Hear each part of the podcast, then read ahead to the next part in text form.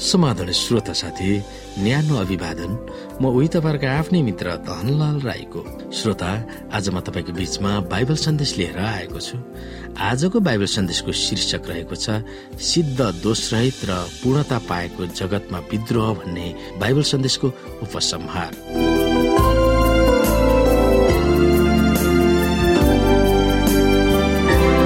श्रोत साथी शैतान र उसका स्वर्गदूतहरूले स्वर्गको वर्णनै गर्न नसकिने महिमा देखेका थिए।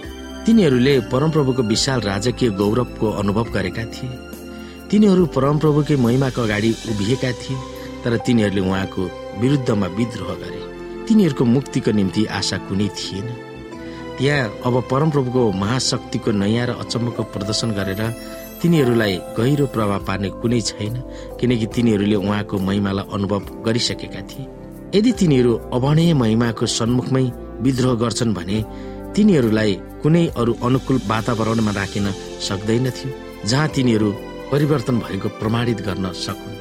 तिनीहरूको विद्रोही मनस्थिति गनगन गर्ने बानी शङ्का डहार इच्छा गर्ने वा आफ्नो भाउ खोज्ने मानसिकतालाई साम्य पार्न कुनै आरक्षित गरिएको शक्ति थिएन। न त तिनीहरूले अनुभव गरेको भन्दा असीमित महिमाको महान उच्चता र गहिराई नै थियो। तिनीहरूको दोष र तिनीहरूको दण्ड स्वर्गको दरबारमा तिनीहरूले पाएको गौरवमय प्रतिष्ठा र अवसरहरूको अनुपातमै हुनुपर्दछ। शैतान भ्रष्ट हुने र उसको छल गर्ने शक्तिलाई प्रयोग गरेर मानिसको पतन हुने कुरो सुरुदेखि नै परमप्रभु र ख्रिस्टलाई थाहा थियो। पापको अस्तित्व हुनुपर्छ भन्ने परमप्रभुको चाहना थिएन तर त्यसको अस्तित्व हुने उहाँलाई पहिलादेखि नै थाहा थियो। पापको भयानक आपतकालीनसँग सामना गर्न उहाँले प्रावधान वा बन्दोबस्त गरिसक्नु भएको थियो। संसारप्रति उहाँको प्रेम यस्तो महान थियो कि उहाँले त्यसलाई आफ्नो एकमात्र प्रिय पुत्र दिन उहाँ वचनबद्ध हुनुभएको थियो ताकि उहाँमाथि विश्वास गर्ने कोही पनि नाश नहोस् र त्यसले अनन्त जीवन पाओस् भनेर। पापको सुरुवात र यस संसारमा खराबको अस्तित्वलाई परमप्रभु नै जिम्मेवारी हुनुहुन्छ भनेर घोर चिन्तन मनन हामी गर्न सक्छौँ। यो दोषारोपणको जवाब हामीले कसरी खोज्ने? खराबको पुरै प्रश्नलाई बुझ्न क्रुसको स्थान कसरी उपयुक्त हुन्छ? खराबको सुरुलाई बुझ्न क्रुस र त्यहाँ के भयो? त्यो हाम्रो बुझाइको केन्द्रबिन्दु किन हुनुपर्दछ? हामीले सोच्नु पर्दछ। हजारौं वर्षको पाप र यस संसारमा भएको दुःख कष्टलाई चैतानले पुरै थाहा पाइसकेको हुनुपर्छ। उसको विद्रोहका दुःखद नतिजाहरूप्रति ऊ सजग भइसक्नु पर्ने हो। त्यही पनि अझ उसले परमप्रभुको विरोधमा ऊ किन गइरहेको छ? परमप्रभुको बिना शर्त प्रेमको बारेमा यसुले मत्ती पाँच अध्यायको त्रिचालिसदेखि अडचालिसमा उल्लेख गर्नुभएको हामीलाई थाहा छ। हामीले अरू मानव प्राणीहरूसँग गर्ने कारोबारको नमुना प्रभुले ती पदहरूमा देखाउनु भएको छ। तपाईँको परिवार र चर्चमा त्यो नमुनालाई तपाईँले अझ राम्रोसँग कसरी प्रतिबिम्बित गर्न सक्नुहुन्छ? एक पत्रुस पाँचका आठमा पत्रुसले हामीलाई यसरी सचेत गराएका छन्। सचेत रहो जागा रहो तिमीहरूको शत्रु दियावलस कसलाई भेटौँ र खाइहालौँ भनी गर्जाने सिंह चाहिँ खोजी हिँड्छन्।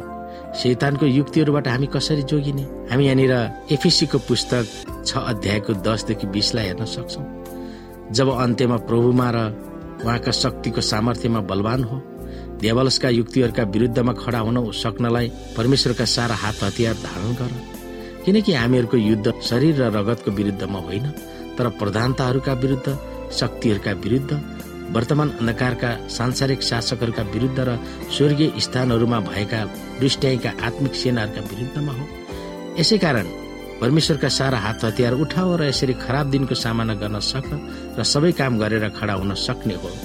यसकारण आफ्ना कम्मर सत्यले कसेर धार्मिकताको छातीपाता लगाएर खडा हो र खुट्टामा मिलापको सुसमाचारका जुत्ता लगाएर तयार हो।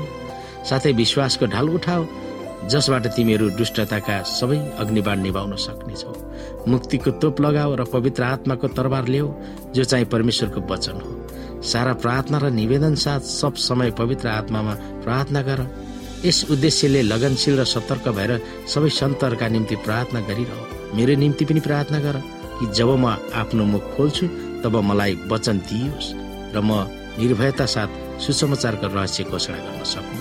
जसको निम्ति म साङ्लाले बाँधिएको एक राजदूत हुँ र जसरी मैले बोल्नु पर्ने हो त्यसरी म साथसँग बोल्न सक् श्रोत साथी जब हामी दियावलसको पन्जाबाट कसरी उम्किन सक्छौँ भन्ने कुराहरू हामीलाई यहाँ जागा र सचेत गराइएको छ।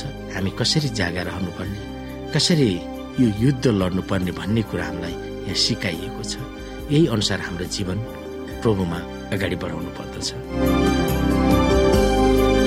श्रोता साथी आजको लागि बाइबल सन्देश यति नै। हस्त नमस्ते जय मसिंह।